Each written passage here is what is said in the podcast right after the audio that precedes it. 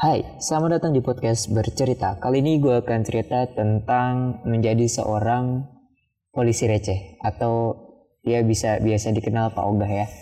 Nah di sini gue udah ada temen namanya Rijal. Dia kerjaannya sehari-hari sebagai Pak Ogah ya. Selain juga dia adalah mahasiswa di salah satu universitas di Yogyakarta. Silakan Mas Rijal perkenalkan dirinya. Oke siap. Perkenalkan nama saya Leoni Frijal Wafi, Aha. umur 23 tahun, kemudian tinggal di Jalan Kaliurang kilometer 9,3. Terus saya juga profesi sehari-hari selain jadi Pak Oga itu juga saya juga driver Gojek kebetulan sama mahasiswa UIN juga semester akut. Banyak ya profesinya. Berarti itu kalau misalkan ngatur waktunya gimana tuh? Kuliah jadi apa? Pak Ogah atau polisi cepet sama ini nge-grab. Grab apa Gojek? Gojek kan? Gojek ya? Kalau ngatur waktu sih kalau waktu dulu pertama-pertama karena saya kalau Pak Oga sendiri udah dari 2014 akhir Mm-mm. jadi selesai dari SMA itu udah di situ Nah, itu waktu belum kuliah itu kan saya berhenti setahun jadi Hmm. ketika lulus nggak langsung kuliah jadi 2015 nya saya baru masuk di UIN itu dulu ngatur waktunya sih cuman masih bebas ya karena belum kuliah. Semenjak udah kuliah ya kalau saya sendiri ketika jadwal kuliahnya itu di hari Senin sampai Jumat itu saya bikin full biasanya jadi Hmm. kalau bisa sebelum jam Jumat sore itu eh, istilah udah nggak ada kuliah lagi. Jadi sebisa mungkin tak atur jadwal itu dari Senin sampai Kamis itu kalau bisa full nah untuk Jumat Sabtu itu dibikin agak free lah soalnya kan aku eh, ketika udah kuliah itu terus ngambil yang di Pak Oga itu seringnya hari Jumat sama Sabtu sore Terus kalau minggu itu bisa full tapi gantian sama teman-teman Nah. kalau jamnya sendiri Kalau kalau itu kan dari kuliah aja nih. Hmm. Kan kamu juga aktif di organisasi kampus. kampung kalau aku Oh kampung ya, kalau organisasi kampus nggak terlalu sih Nah itu ngatur waktu gimana tuh? Udah mulai aktif sama kuliah juga, organisasi kampung juga. Kalau untuk organisasi, kalau yang di kampus sendiri sih kebetulan cuman ikut waktu itu udah mau ik- ikut apa ya? Enggak ada sih kalau kampus. Kalau kampung, Rasida? Itu cuman semacam praktek, Hmm. praktek mata kuliah waktu itu. Oh jadi nggak masuk ke UKM ya? Enggak. Enggak. Waktu itu mau ikut silat tapi nggak jadi. Terus kalau yang ngatur waktunya sih, kalau aku sendiri ya itu, eh, istilahnya semuanya kalau bisa itu kan sekalian semuanya prioritas, semuanya penting, diatur waktu se- sedemikian rupa, jangan ada yang sampai ditinggalin gitu. Hmm. Kalau aku sendiri sih, kalau di kampung ketika ada kegiatan apa pun itu, yang penting kita nampakin muka istilahnya. Walaupun kita enggak bantu secara penuh, Secara fisik. secara penuh, secara fisik ketika kita emang nggak bisa ngatur waktu itu, setidaknya kita nampakin muka lah. Wah, udah kelihatan nih Rizal. Wah, berarti ada. kita tinggal. Istilahnya kalau di Jawa itu namanya melipir. Oh gitu. Melipir itu ilmu melarikan diri dari tugas. Kebujo ya warteg. Iya, ya intinya kalau semisal kita waktunya itu nggak nyampe gitu. Semisal mau ada acara lain, ternyata di sini ada kegiatan. Kalau di kampung juga nggak enak mas. Ketika kita ada kegiatan kok nggak kelihatan itu kan biasanya image-nya itu agak anu kalau di Jogja sendiri mungkin kalau di beda-beda kota beda kultur budayanya mungkin kalau di Jogja kayak gitu sih kebanyakan Hmm. kalau kita nggak nampakin diri wah ya sih, pasti ditanyain makanya itu kalau ketika ada acara entah itu acara kampus atau Hmm. acara organisasi aku bagi waktunya gitu sih yang emang uh, nggak terlalu penting Hmm.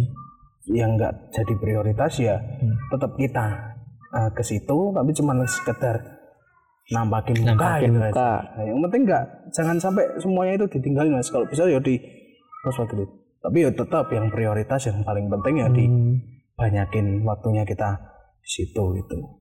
Nah, ngomong-ngomong soal ini nih, apa namanya polisi cepet atau pauga? Tahu nggak kenapa dinamain polisi cepet atau pauga? Tahu sih Mas. Karena kebanyakan yang ngasih itu uangnya dia cepet, biasanya 100. Tapi pada istilahnya pada faktanya di lapangan itu jarang banget dia Jarang ngasih. 100 sih ya. Maksudnya jarang-jarang ngasih atau malah lebih nominalnya? Lebih nominalnya, jarang ngasih istilahnya jarang ngasih 100 rupiah itu malah jarang. Yo, ada kalau semisal dari kalkulasi 20 orang itu paling cuma 1 sampai 2 orang. Oh iya. Paling gede berapa? Pernah dikasih? Wah, alhamdulillah waktu itu karena kita kadang ketika puasa juga kita tetap nyemprit. Ya Pak Oga itu kalau istilah sini kan nyemprit gitu. Oh beda beda lagi istilahnya. Sama aja sih. Kalau secara istilah apa istilahnya istilah yang leb- lebih apa ya? Lebih ditahu masyarakat Lebih lokal Oga. sini. Nah, Ah, Oga kalau yang lokal sini ya nyemprit itu. nyemprit. Kalau yang lebih ditahu masyarakat luas mungkin Pak Oga atau polisi Jepai. Iya iya iya itu. Paling banyak 100 ribu mas Oh iya. Wah gila dong. dalam bentuk amplop biasanya. Oh itu itu pas itu pas kapan? Pas ada acara apa atau pas bener macet banget atau gimana tuh? Oh enggak sih mas. Eh, biasanya event ketika orang benar-benar gemar bersodako itu biasanya pas Ramadan. Jadi pas Ramadan itu sering kita dapat amplop kadang terus kita dapat makanan. Amplop itu kadang 50, kadang 100, tapi itu juga enggak kayak enggak sering gitu juga paling ya. Random aja ya. eh, dalam sebulan paling ya kita bisa dapat lah paling enggak sekali dua kali gantian sama teman-teman. Soalnya kan itu juga shift-shiftan juga Mm. sama teman-teman dan itu juga diatur soalnya kan setahu setahu orang-orang awam mungkin nggak diatur itu Iya iya bener. asal masuk aja enggak itu ada Aslinya kalau dari saya sendiri kalau ini kan kalau di tempat saya termasuk resmi Oh resmi. Iya. Oh berarti ada pengelolanya ada pengelolanya, ada organisasinya kok kayak eh, perkumpulan gitu ya. Kalau di sini namanya Supeltas Ah, Supeltas kepanjangan dari eh ke singkatan dari. Supeltas sukarelawan pengatur lalu lintas Nah, itu daerahnya di mana aja? kalau ini cakupannya sih Jakal KM 953 sini Ini, sini ya. Nah, kemudian Banteng PLN tadi Naik lagi. lewat Eh, bawah bawah lagi. sama kalau atas itu sampai ke Candi. Oh, Candi itu daerah. KM 12 sebelum UI. Wah, Pandanaran itu. panjang, Pak. Lumayan. Berarti total ada berapa orang tuh yang apa termasuk tadi su apa? Supeltas. Supeltas. Kalau Oh, di- Supeltas tadi. Kalau Supeltas sendiri kan ini inisial untuk yang kita yang di sini Hmm. Jalkal KM 953. Mm-mm. Kalau anggotanya sih ada totalnya ada 12 13-an. Hmm, Untuk 12 untuk yang di KM 93 ini. Ah. Oh, berarti eh, beda titik, beda nama ya. Cuman Mungkin. masih satu paguyuban gitu. Kalau uh, dulu itu sempat mau dibikin paguyubannya mas, cuman karena dari beberapa orang juga mungkin males ribet dan Ah, iya, lain-lain, males organisasi ya mungkin punya kita doang yang kadang aktif. Hmm. Waktu Ternyata itu tidak tidak sesimpel yang saya kira ya. So- Soalnya saya kira tuh kayak ya udahlah cuman eh, jatah-jatahan Nah, aja gitu kan. situ. Saya tahu cuma shift-shiftan doang kan. Oh di, dari jam sini jam sini gua nih. Terus shift malamnya temen gua terus ya udah kumpulin bagi rata kayak gitu-gitu. Nah, sebenarnya itu sistem kerjanya gimana sih kalau polisi cepet itu? kalau di sini sendiri karena ini tuh sempat dianu istilahnya kita juga kan kita kan nggak ngasal juga. Hmm. Saya di sini udah lima tahunan lah kalau dihitung sampai sekarang itu. Dari 2012 eh 14 ya? Heeh, sampai sekarang ya hampir lima tahun lah. Iya, lima tahunan. 15, 19, 17, 18, 19 19, oh, malah hampir enam tahun. yang berenam. Oh, lumayan lama. Nah, itu gimana tuh? Kalau kita dulunya karena eh, dulu itu cuman masih berempat mas dulu Hmm. karena itu event istilahnya terjadinya tertesusnya ini Pak Oga yang di KM 9,3 itu Hmm. kalau dulu karena kebetulan pas erupsi. Erupsi Merapi itu kan 2004 yang setelah itu. setelah itu. Heeh. pokoknya setelah posisi-posisi setelah erupsi. Hmm. erupsi itu 2006 erupsi yang kedua setelah itu mas. Hmm. tapi bukan erupsi yang merapi sini yang kelut oh iya, nah iya. itu kan dampak paling buruknya kan justru di Jogja. Abunya itu tebel Iya, sampai sini juga. Nah itu waktu itu kita bersihin jalan kemudian dari teman-teman yang lain ada yang ngatur lalu lintasnya biar oh Dari dari, situ, spontanitas terus? spontanitas, spontanitas itu kemudian kita wah jaga yuk kayaknya lumayan gitu istilahnya hasilnya juga. Terus lumayannya apa nih duitnya berarti? Iya lumayan duitnya juga. Terus kita nggak terikat istilahnya fleksibel juga. Kita mau berangkat ya dapat uang kita nggak berangkat ya enggak gitu kan. Iya benar-benar. ya itu mas 12 orang kalau sistem kerjanya kalau di kita pertama kalau dulu kita ngaturnya itu pagi pagi terus sore sama minggu Jadi kalau minggu hari minggu itu emang khusus buat orang-orang sini. Mhm. Jadi yang orang sini itu ah, yang orang luar itu ada sekitar empat orang Luar tuh maksudnya luar Eh, luar sini daerah. oh Jadi iya. bukan orang asli sini itu ada empat orang kemudian yang sisanya orang sini semua. Itu ngaturnya itu sih. Kalau minggu itu orang sini semua. Aha. Kalau hari biasa itu itu jam-jaman itu dari pagi itu jam 7 sampai setengah 9 itu orang sini. Mhm. Nanti terserah siapa yang apa datang gitu. Siapa yang datang, misal yang datang dua orang kan jarang mas kalau semisal pagi itu buat ada yang bangun datang itu jarang banget. Pasti rata-rata sore baru pada Iya. bangun. Kalau di situ sendiri sih kalau saya kalau saya saya kan termasuk pionirnya mas. Jadi ikut bagi itu. Dulu saya masih setiap hari dari jam habis zuhur sampai jam 2 biasanya. Sampai jam 2 sampai jam 3 Mhm. terus sekarang karena kuliah itu ya saya ambil cuma Jumat Sabtu sama Minggu itu. Kalau pembagiannya sih ya itu tadi pagi sampai jam setengah sembilan itu orang sini habis itu jam setengah sembilan sampai jam 11 ada yang dari orang luar termasuk pionir juga. Terus jam 12 sampai jam 3 itu ada juga orang sini.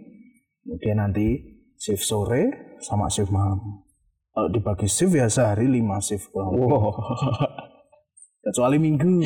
Kayak orang kantoran ya, sip-sipan ya. kalau orang kantoran paling dua shift mas. Ini Iya, lima udah, shift. ini lima sih berarti lebih keren polisi cepet ya daripada orang kantoran.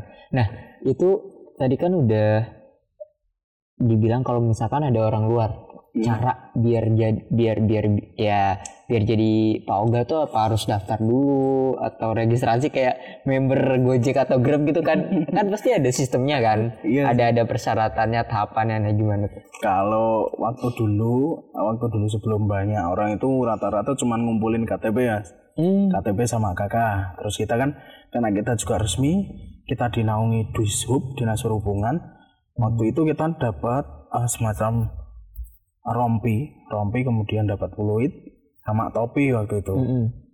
terus cuman itu dis- Dishubnya itu cuman semacam pendataan waktu itu jadi cuman berjalan kurang lebih satu tahun atau ya Tahun berapa itu? tahun 2017 17. Oh setelah dua tahun jalan ya. Mungkin jadi sebelum itu ya masih kayak semacam nggak diatur Nah, setelah ada di sub itu karena di sub itu ngatur itu karena tercetusnya waktu itu masalah parkir di Malioboro itu mas Hmm. jadi karena parkir di Malioboro itu marah ada yang istilahnya leg- ilegal ada yang jotosin sampai wisatawan ah, yang di luar Terus tarifnya Jogja, tinggi banget. naik-naikin Ah, nah terus? itu terus di sub itu bertindak di situ tindak terus sekarang kan kartis dari semua kartis di Jogja itu kan pakai Iya. sub itu sendiri biar istilahnya dari di sub pemerintah bisa ngontrol juga. Terus imbasnya ke sini? kalau ya itu karena kita termasuk yang di jalan itu Mm-mm. padahal hitungannya juga nggak parkir loh itu. Iya Cuman bener. kan iya mak- makanya saya nanya kan nggak parkir kan? Ini kan ya ngatur jalan gitu kan. Nah imbasnya tuh dibentuk kayak gimana? Makanya itu imbasnya kalau di kita ya kita jadi ikut iuran bulanan waktu itu mas oh iya. 600 ribu per bulan. Tapi dibagi untuk semua. Jadi semuanya kalau kita sistemnya per jam orang bayar 5 ribu gitu aja Mm-mm. jadi dalam satu bulan itu pasti sisa sisanya kita buat. Yang lain kita sumbangin kalau kita. Oh. Kebetulan juga kita setiap habis nyemprit itu kita gantungin kan ada donasinya itu mas. Istilah buat anak yatim gitu. Kita ngasih di situ istilah ya si kelasnya nanti sebulan sekali dibongkar terus dikasih. Anak yatim gitu dan itu 600 ribu dari disub kan maksudnya persyarat untuk nyetor 600 ribu ke disub masih berlaku nggak sampai sekarang? Kebetulan akhir-akhir ini udah enggak mungkin itu kalau menurut saya cuma sebagai pendataan sih mas. Hmm. hmm. nggak tahu pendataan tapi itu berjalan sekitar satu tahun man dan kita dapat KTA kartu tanda anggota. Wow. Dipakai itu. Itu bener kayak apa ya istilahnya kayak resmi beneran resmi gitu Iya, loh beneran resmi emang mas Tapi kan ada banyak di yang aku temuin ya, Ah, yang, yang gue emang temuin di jalan-jalan di Jogja juga tuh daerah Jalan Solo depan sosial agensi lah. putar balik itu Nah iya itu kan kayak nggak resmi kan. Iya. Padahal ada polisinya kan di situ. Polisinya ada, dianya cabut, nggak jaga. Polisinya nggak ada, baru dia masuk. Gitu-gitu. iya mas emang kalau ah, dari semuanya di seluruh Jogja sendiri emang belum banyak yang resmi juga karena Hmm. emang itu kategorinya gimana ya? Kalau dikatakan istilahnya parkir juga bukan. Orang cuman nyebrangin jalan makanya dia nggak bisa nentuin buat RUU-nya mungkin perundang-undangannya itu mungkin. Kalau di justru kalau yang sudah benar-benar diatur dan dia malah digaji itu di Solo mas. Hmm. di Solo itu semuanya malah diatur terus dinaungin dan digaji bagus dong ya. sekitar satu setengah satu setengah juta Satu setengah tuh di Solo udah lumayan Wah, banget. lumayan banget mas emang tapi dia benar-benar diatur Ah, di Solo itu soalnya waktu itu juga ada temen yang dari sana terus mhm. ngobrol sharing lah istilahnya terkait ya istilahnya di jalan gitu lah Ini sesama komunitas polisi receh, eh Iya. Enggak. polisi receh, polisi cepet. waktu itu enggak mas itu cuman kayak ketemu ngobrol sharing Dan dia sih. kebetulan di sana jadi polisi cepet juga. Ah, Oh, saya ya. kebetulan ke sana waktu itu Mhm. waktu main terus nanya-nanya itu ternyata di sana malah lebih resmi kalau dari di Jogja terus ya emang kalau di Jogja sendiri ada yang emang dia emang eh, sukarelawan dan dia nggak resmi ada yang di kita resmi makanya kalau di kita itu mesti wajib pakai rompi Hmm. rompi celana panjang udah gitu istilahnya lebih sopan lah kalau kalau aku malah istilahnya kalau yang udah semacam ya bisa dikatakan Iya. lebih profesional gitu Iya bener. pada pakai sepatu kalau di tempat saya Oke, berarti gue tanya gini.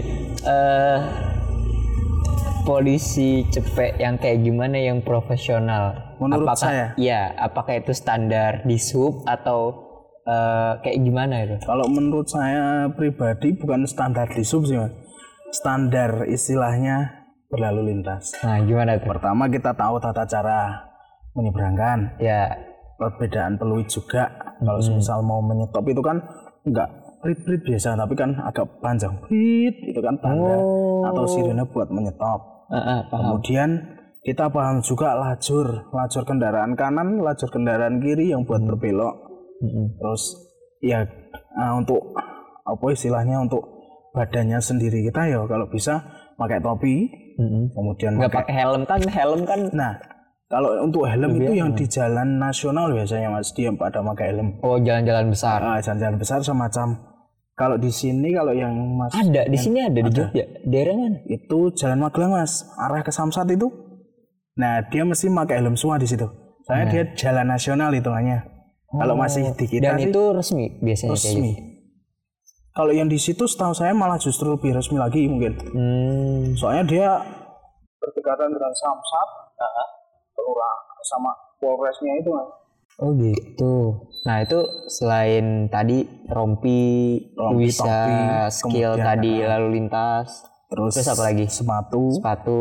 lengan panjang yang pasti biar nggak hitam lah ya kalau yang Oh pa- takut hitam juga. Ih, kayak cewek ya.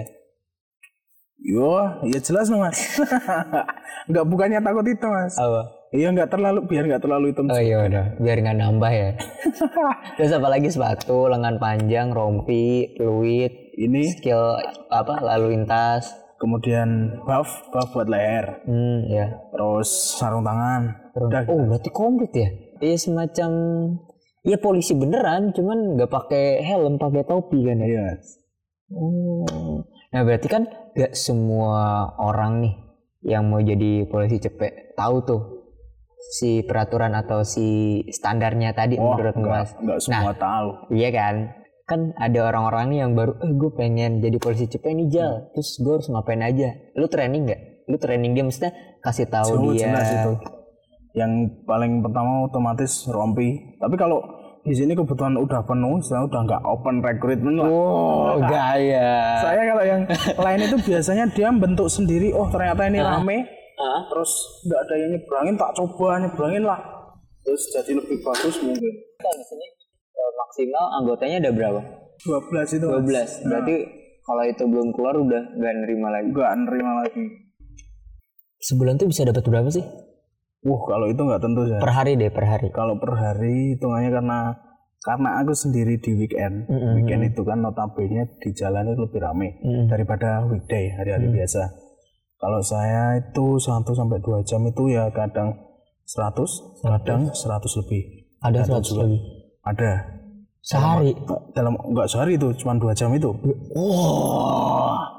Beneran? serius itu Wah gila dong. Kalau di tempat saya, kalau di sini itu weekend kan? weekend. Weekend.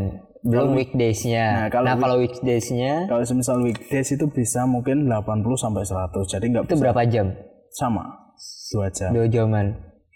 Tapi kalau weekend itu pasti bisa dapat 100 sampai 150-an. Sekitar segitu. Itu Berarti aja kalau kalau yang sehari, kalau sehari, sehari full. Eh, lu shiftnya berapa? Dua jaman ya? 5 ah, Lima. kali. Nah, kalau lima jam tuh paling banyak dapat berapa? Weekend ya? Weekend lima jam dapat berapa? 5 jam. Heeh. Wah, ya bisa banyak mas, tapi nggak ada yang kuat. Oh, sekuatnya. Iya, nggak mungkin juga kalau Eh, semisal Soalnya ini juga ya panas juga. ya. Wah, nggak cuma panas mas, pegel banget. Nggak mungkin kuat Iya, 5 iya. jam berdiri loh itu. Diri ya. Hmm, Nggak duduk, nggak istilahnya nggak duduk, nggak minum, nggak ngobrol. Tapi itu hitungannya banyak loh itu dua jam 200 eh 150 ya bisa 150 ribu itu weekend. Kalau weekdays bisa 80 ribu. Wah iya pantesan banyak. Pantesan tuh banyak ini loh mas. Banyak aku yang dapat kabar eh, rebutan rebu- rebutan lahan buat polisi cepet. Oh iya. pernah denger nggak? Pernah sering. Nah gitu, maksudnya ya tadi kan ada, gue juga baru tahu tuh ada resmi ada yang gak resmi gitu kan. Nah, kalau di situ sempat ada konflik gak sih rebutan daerah gitu untuk oh ini daerah gue untuk Oh, cepet. pasti. Nah itu gimana tuh? Aku malah justru berantem waktu itu. Sumpah, iya. itu tahun berapa? 2000 oh belum lama mas 2000 eh 2018 19 sekitar 2017 itu Oh baru ya, dua tahunan kemarin. Iya karena istilahnya itu yang salah juga bukan aku sih, yang orang luarnya itu karena udah jamnya turun, Hmm. Kalau nggak turun-turun ya biasalah emosi anak muda Eh, gue kenapa gak turun-turun gantian? kayak gitu. Terus cekcok berantem waktu itu berantem beneran lan. Eh, Berarti kalau di- diakumulasikan sebulan itu bisa satu koma lebih. lebih kalau semisal emang kita mainnya setiap hari, karena saya mainnya cuma Jumat Sabtu, Heeh, Jumat Sabtu Minggu sih. heeh. Kalau dikalkulasikan per bulan ya ya tetap dapat sih satu satu ke atas dapat tetap. Kalau sepengetahuan saya kalau saya istilahnya survei gitu mas, yang namanya di jalan itu nggak banyak orang tahu kalau emang aslinya yang yang ada duitnya itu justru di jalan gitu. Wow, ada anak jalanan itu. banget nih. Cuman kebanyakan orang kan taunya, wah ini di kantor nih banyak duitnya ya. Mungkin kalau yang emang dia kantor yang udah gede-gede mungkin ya emang bener. Kalau yang masih kayak setara-setara gitu, mending di jalannya istilah kita cuma dua jam, dapatnya segitu kita bis- masih bisa kerja yang lain. Makanya saya gojek juga. Oh, nah itu Gojeknya berarti selain setelah itu apa? Iya, kadang setelah itu, kadang kalau weekdays kalau pas nggak kuliah, apalagi sekarang jarang banget ada kuliah kan, udah semester akut akhir tinggal skripsi aja nggak dikerjain kerjain. Udah kenal duit mah udah susah mas biasanya. Kalau saya sendiri alhamdulillahnya enggak mas Hmm. dulu eh, buktinya dulu juga setahun itu aku kerja dulu untuk nyari uang buat isinya buat modal kuliah juga Hmm. Yo kalau kebanyakan orang sih gitu sih mungkin pemikirannya ya mungkin mas. Kalau or- orang udah kenal uang emang itu memang jadi lebih agak mungkin agak males mungkin wah udah dapat uang ngapain gitu. Berarti kalau penghasilanmu itu sebulan dari polisi cepet ini sejutaan lebih ya, udah bisa bayar UKT dong. Wah jelas. Apalagi UKT gue cuma 400. Anjir sumpah 400? Iya 400? 400 aku dapat yang 400. Murah banget. Itu kan Murah. anjir. UKT satu itu mas. Sumpah 400 lah. Kan 400 sampai. Gua kira angkatan kita itu paling murah satu juta. Enggak 400 paling murah. Wah gila dong. Aku punya shock kalau, kalau dari kan MD itu mahasiswa sekitar 110-an itu yang dapat UKT 1400 itu ya nggak nyampe 20 400 ribu. Nah, Berarti gue makin bingung sama orang-orang yang demo nurunin UKT. Mau semurah apa lagi? kalau itu mungkin Iya kalau nggak sih? pemikiran saya ya, kalau Eh, enggak sih? pemikiranku Iya iya iya jelas lah misalnya dia demo mungkin yang dia dapat UKT mahal. Ya dia dapat mungkin, UKT mungkin. mahal makanya mau diturunin. Istilahnya nggak sesuai dengan soalnya istilah waktu istilah dia waktu penyaringan UKT itu emang kadang nggak masuk akal juga sih. Hmm. gaji orang tua bener 5 juta bener. Tapi anaknya 10 ya sama aja. Mm-mm. gitu loh. Sedangkan ada yang gaji orang tuanya cuma sejuta tapi anaknya satu ya lebih banyak yang itu mas daripada banyak yang anak sih. 10 banyak faktor Ah. sih ya mungkin yang menentukan itu yang menyebabkan dia terlalu mahal mungkin lah gitulah kalau aku ya alhamdulillah dapat UKT 400 dan waktu pengisian ya intinya waktu pengisian formulir gaji orang tua gitu-gitu juga nggak ada yang dimanipulasi gitu lah Hmm. jujurnya aja gajinya segini ya tulis gitu aja Nih, balik lagi nih ngomongin soal penghasilan dari polisi cepet nih siap ini kan? Gede banget. Maksudnya gak gede maksudnya gede lah hitungannya. Gede untuk di Hitungannya, wilayah ah. Jogja ya. Nah itu lah. cara bagi duitnya gimana tuh? Kan Kalau udah di- dapet nih. Jaga nih misalnya gua gua markirin terus gua dapet duitnya gue simpen nanti kita akumulatif akumulatifkan terus bagi-bagi apa langsung buat gua tuh? Langsung itu. Oh iya. Buat kita. Ya itu karena Hmm. eh, buat karena dulu itu waktu masih dikelola di sub ketika waktu habis kita bayar 5000 disetorkan seta- satu orang untuk dikumpulin dibayarin 600 ribu itu. Setiap bulan karena sekarang udah enggak ya itu diambil semua terus ya itu istilahnya nabung buat ya buat besok lah hari akhir. Ya. Kita- buat itu kota amal siapa tahu bisa buat haji lah ya. Anak yatim itu terus kita ngasih di sus setiap habis nyempret Hmm. ya seikhlasnya gitu.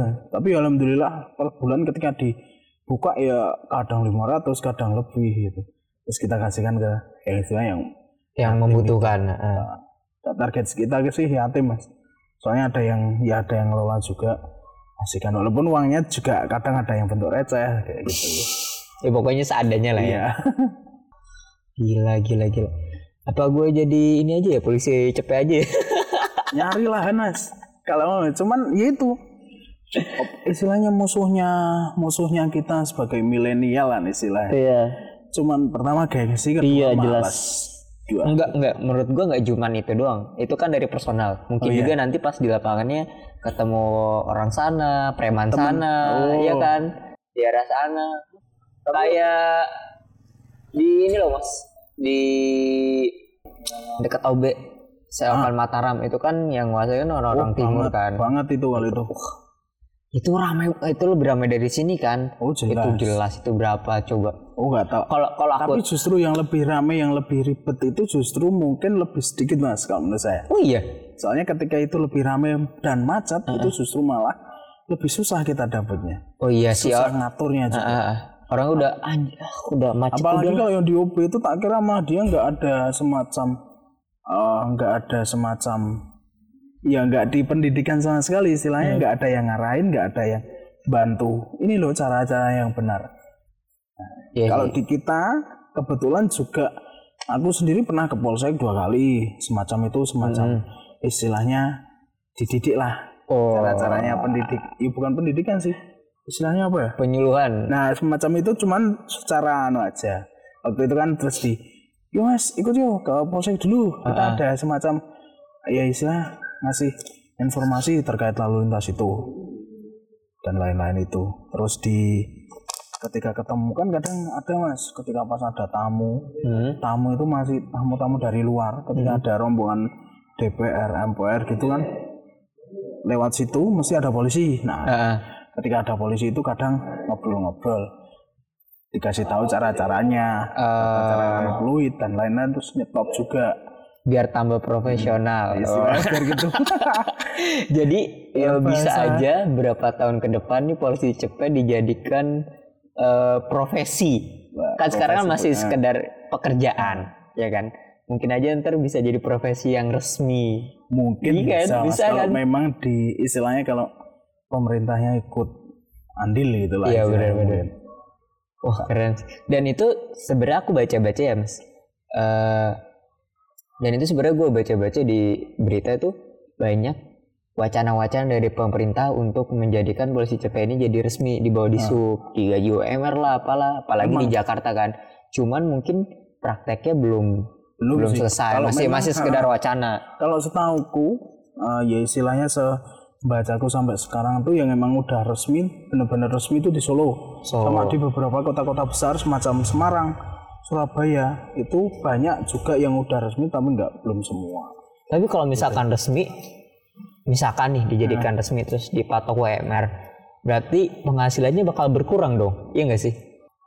enggak selama di situ semisal kita nentuin ini segini aja udah nggak usah ditambahin Oh iya, su.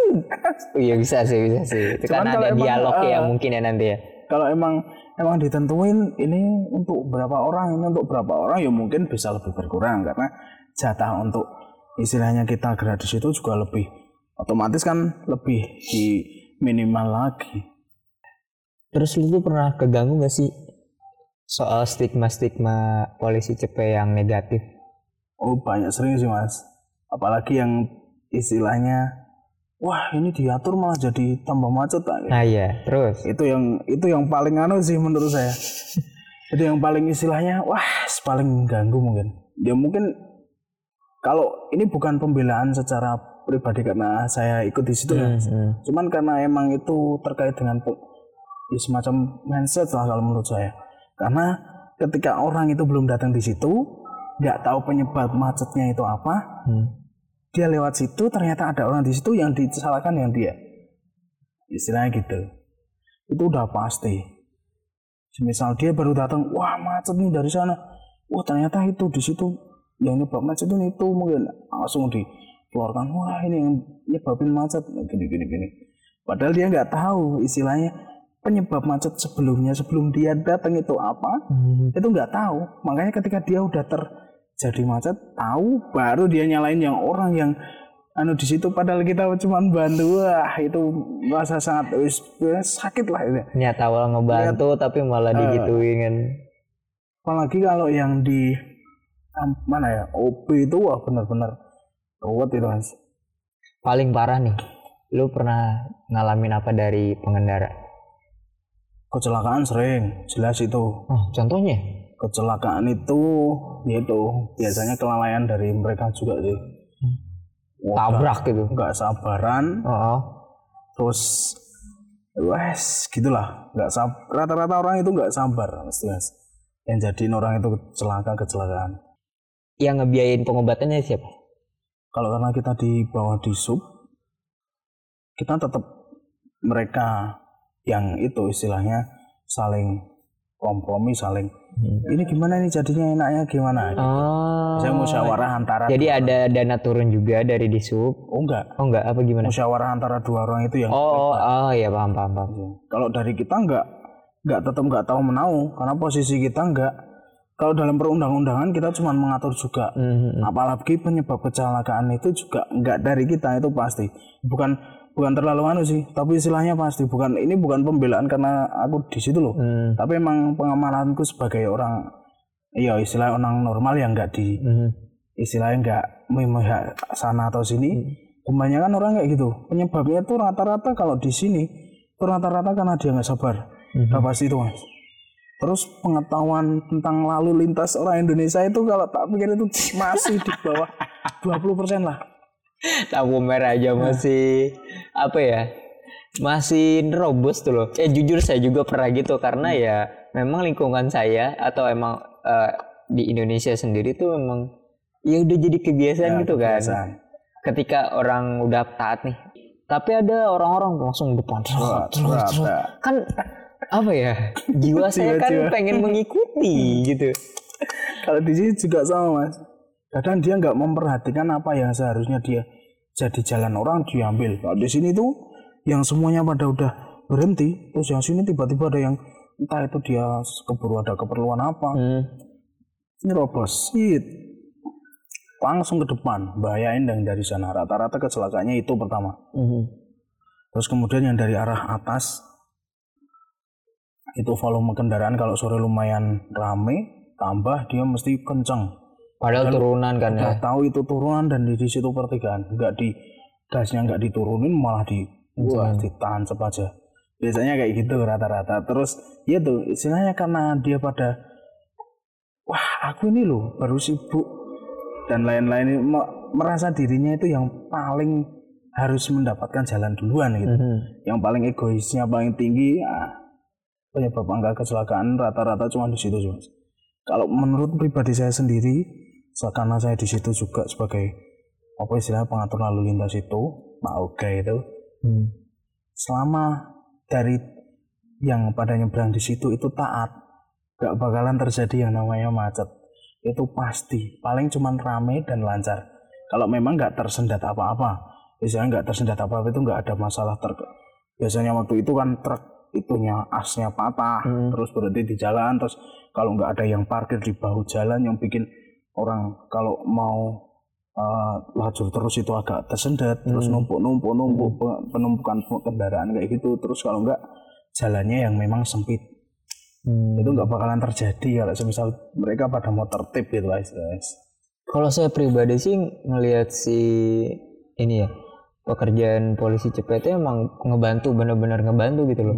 Soalnya selain tipikal orang Indonesia tadi main serobotan, gak mau ngalah. Nah si polisi cepet ini yang yang mengurai itu gitu kan.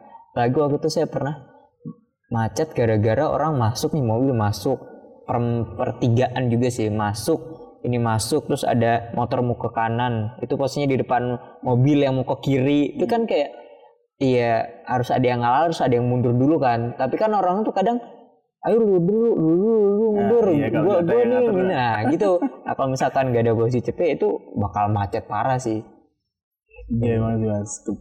Cuman yuk kadang yang namanya mindset juga, ya itu tadi yang tak Iya, katain bener. pertama, ketika orang nggak tahu penyebab kemacetan, orang yang di situ yang disalahin, yang disalahin itu pasti ketika terjadi kemacetan. Wah, saya kadang kalau istilahnya, ya memang pekerjaan yang paling sering berantem, tak kira malah di situ. kalau saya pribadi, sesabar sabarnya orang, wah, kalau udah di jalan ngatur lalu lintas, wah nggak Apalagi mungkin berkata panas. kotor, nggak mungkin banget.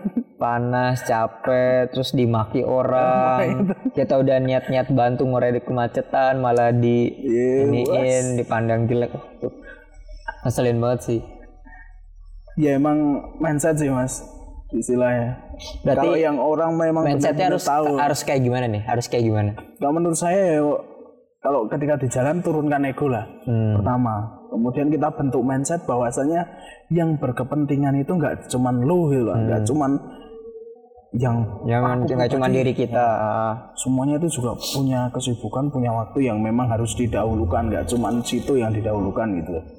tapi kan tadi lu bilangnya eh, kita tuh ada polisi CP itu ada RU-nya Heeh. nah itu apa nggak RU-nya apa?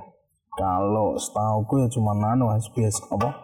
Kalau peraturan perundang-undangannya cuma nano sih mas. Semua elemen masyarakat itu berhak mengatur jalannya lalu lintas ketika terjadi apa pun itu. Hmm. Ma- Makanya kayak biker-biker anak-anak touring itu kan ada semacam escort. iya benar Escort itu kan escort ambulan. Ketika ada ambulan itu kan nggak ada mereka. Dari polisi juga nggak menyediakan escort buat ambulan ketika terjadi. Makanya kita sebagai masyarakat umum yang sadar, biasanya itu terus kita yang ngaturin. hmm. Apa istilahnya kita yang, yuk itu ada ambulan yang misalnya butuh cepet, yuk kita escort. Makanya itu kesadaran pribadi. iya Ya jiwa sosialnya dia, wah, jiwa sosialnya dia keluar gitu. Kalau menurut sepengetahuan saya cuma itu mas terkait RUU itu undang-undangnya cuma itu ya yang mengatur di mana semua elemen masyarakat itu juga berhak mengatur dan mengamankan ya lalu lintas itu. Hmm. Wah. Berarti enak banget ya jadi. Wah nggak enak banget sih maksudnya ada plus minusnya lah Plus ya. minus. Nah, kalau menurut Mas nih plus minusnya apa untuk jadi polisi cepet? Plus minusnya kalau plusnya sendiri ya kita kerja di situ dapat uang yang lumayan, terus waktunya juga fleksibel, yang jelas itu. Terus kita juga dapat pengalaman-pengalaman dan kita bisa semacam kita bisa membaca orang kalau menurutku. Oh iya. Nah, membaca orang itu dalam artian ini loh or- sifatnya orang-orang Indonesia itu kayak gini. Ini loh cara merubahnya gimana. Caranya entah itu digetak baru dia berhenti atau gimana kayak gitu. Yang jelasnya emang tipikalnya orang Indonesia kalau saya sendiri itu cuman kuat di suara biasanya. Hmm. Minim orang yang meneng, memang benar-benar wah dia jago bener itu minim kalau menurut saya istilahnya dia cuman kayak berani di suara doang yang keras tapi kalau semisal duel beneran itu wah, belum tentu menurut saya Tentu. terus ya itu plusnya sih lebih dapat uang yang istilahnya ya bisa dikatakan lumayan terus dengan waktu yang fleksibel Gede lagi ya gajinya. bisa istilahnya daripada waktu kita kebuang sia-sia ke situ lah ya. Nah, terus dapat pengalaman juga terus dapat nambah relasi ya, dari uh, kepolisian dan dapat relasi juga mas. Saya punya teman-teman punya bapak-bapak ya yang istilahnya di pos ya bisa lah ya kalau bikin sim nembak ke dia. istilahnya pengalaman itu yang jelas tambah relasi ilmu itu ya pasti. Itu Oh iya. minusnya yaitu lebih sering kita agak ngontrol emosi karena posisi dia anu ada yang udah pada benar-benar udah taat si robot itu kan rasanya iya pengen rasanya langsung total saja. Iya terus kalau terjadi ke- kemacetan itu kita yang sering disalahin. Dia nggak tahu penyebabnya macet itu apa ya, kayak gitu. Mungkin minusnya terus kalau apa lagi? Itu mas lebih di lebih sering disalahin orang ketika macet ya jelas. Tanpa dia tahu penyebabnya macet itu apa itu? Dia lebih sering nyalain kita daripada tahu menelisik dulu. Wah ini kenapa tahu macet nah wah itu yang di situ pasti yang bikin macet kayak gitu Mas. sehat. Nah, kalau ini kan berarti udah jalan tadi enam tahun ya jadi polisi cepet. dari 2014an lah. Setelah lulus, apakah masih mau jadi polisi cepet? kalau planning saya kan kena planning orang-orang itu beda Ah, Kalau planning saya itu tetap karena itu pekerjaan yang lumayan waktunya juga nggak terlalu fleksibel. nah, fleksibel lah. Terus kita nggak terikat. Ketika kalau kerjaan yang lain kan biasanya kita terikat. Kita mau ninggalin juga nggak terserah. Nggak bisa senaknya kita ninggalin. Kalau yang di situ kita mau ninggalin kan juga terserah. Kita kita ke situ dapat uang kita nggak di situ ya nggak dapat gitu ini ya. Ya semacam punya usaha sendiri lah ya, iya nggak sih? kalau planning saya sih tetap di situ Heeh. sama mungkin nanti kalau planning saya sebelum umur 30 mas saya udah harus punya usaha entah apa pun tapi sejauh ini juga alhamdulillah udah punya Hmm. sama teman-teman saya ada IO Oh, event organizer. uh, Sakran Enterprise itu mas Hmm. teman-teman MT itu bertiga sampai sekarang udah lumayan lah udah jalan dua tahun ini udah dapat tamu sekitar ya belum 20 tapi udah ada kalau cuma 15an ya nambah relasi nambah ilmu sharing-sharing gitu. Tambah saya juga gojek Wah, udah tiga itu kan. Kalau ke depannya sih kalau untuk supportasi itu tetap saya jalanin. Soalnya itu waktunya nggak terikat juga. Terus apa istilahnya penghasilan yang dihasilkan juga nggak main-main istilahnya. Gak main-main. bahasanya kan kayak gitu kan penekanannya karena itu banyak kan nggak main-main. Jadi buat anda-anda nih teman-teman kita yang bingung nyari kerja setelah kuliah, daftarlah di polisi cepet, betul. nggak daftar mas. Carilah Oh iya, sekiranya recommended. Cari lahan dan resmikan. ya. Yang sekiranya recommended wah ini diputar balik putar balik. Apa saya diputar balik jalan nasional mana gitu kok kayaknya rame ya? Soalnya setahu orang itu di situ nggak rame biasa aja kayak sepi. Padahal penghasilannya lumayan banget gitu mas. Kita kalkuli, kalkulasikan aja lah. Dalam satu menit Hmm. itu kalau masnya tahu dalam satu menit itu lebih dari 10 mobil dia yang Lewat. lewat. Itu Terus? pasti. Kalau ketika jalan itu istilahnya nggak terlalu sepi itulah biasa standar gitu. Heeh. setahu orang kan paling yang ngasih satu dua Heeh. padahal dalam satu jam itu yang lewat berapa ratus mobil sendiri kan kayak gitu kalkulasinya kan kayak gitu Berarti gue bilang penghasilan polisi cepet lebih besar dibandingin sama tukang parkir liar. oh nggak juga Enggak juga. nggak juga soalnya parkir itu juga banyak. Cuman nggak banyak orang tahu kalau ternyata penghasilan parkir itu juga banyak gitu.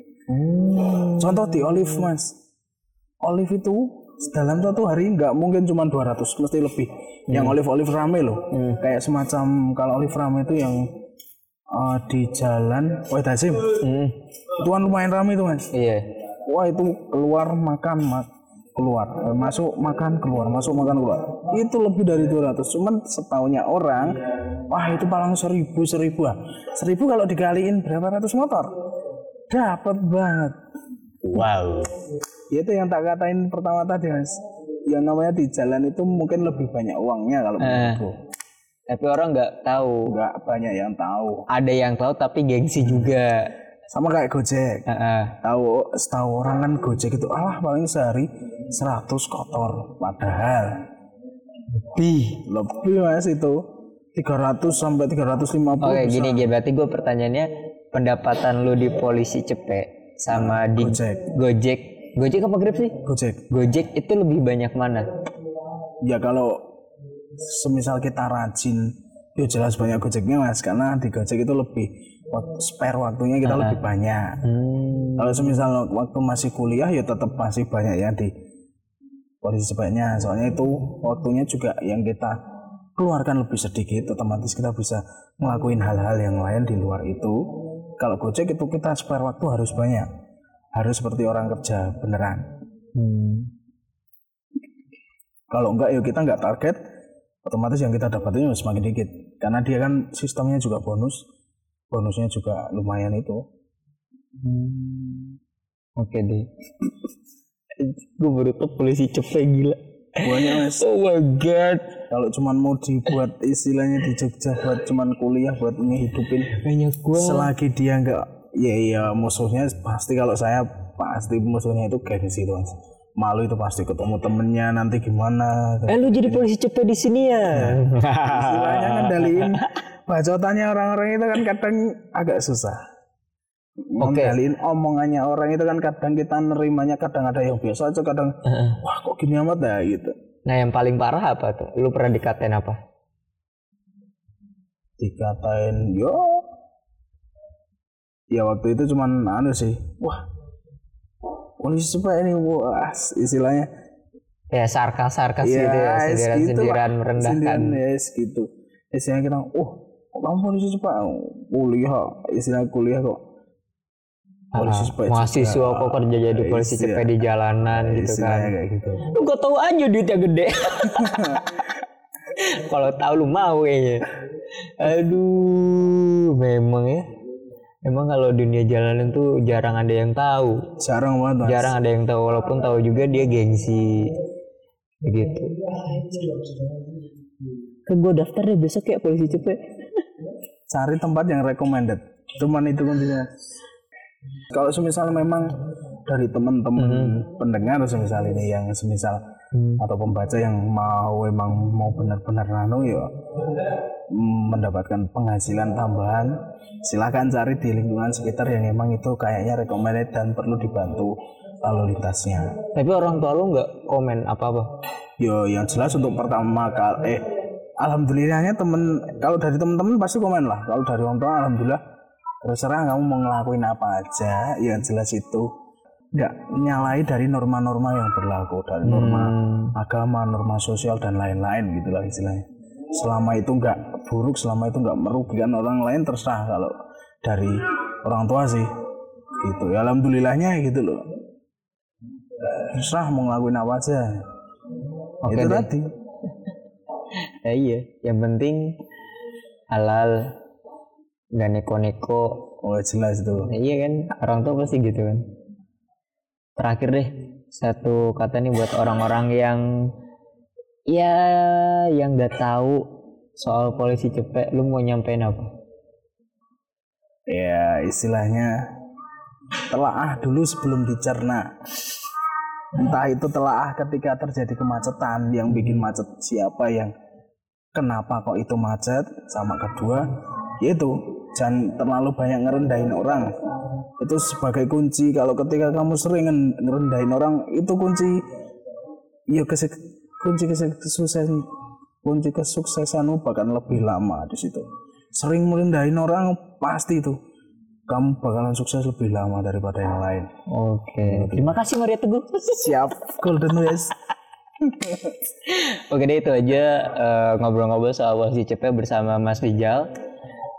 Dan buat kalian yang mau ngasih saran untuk pembahasan di podcast gue selanjutnya bisa DM gue di Instagram @alvinmhrz. Oke, gue Alvin Mareza pamit dan Leone Frijalovi Assalamualaikum warahmatullahi wabarakatuh. Siap, bye-bye.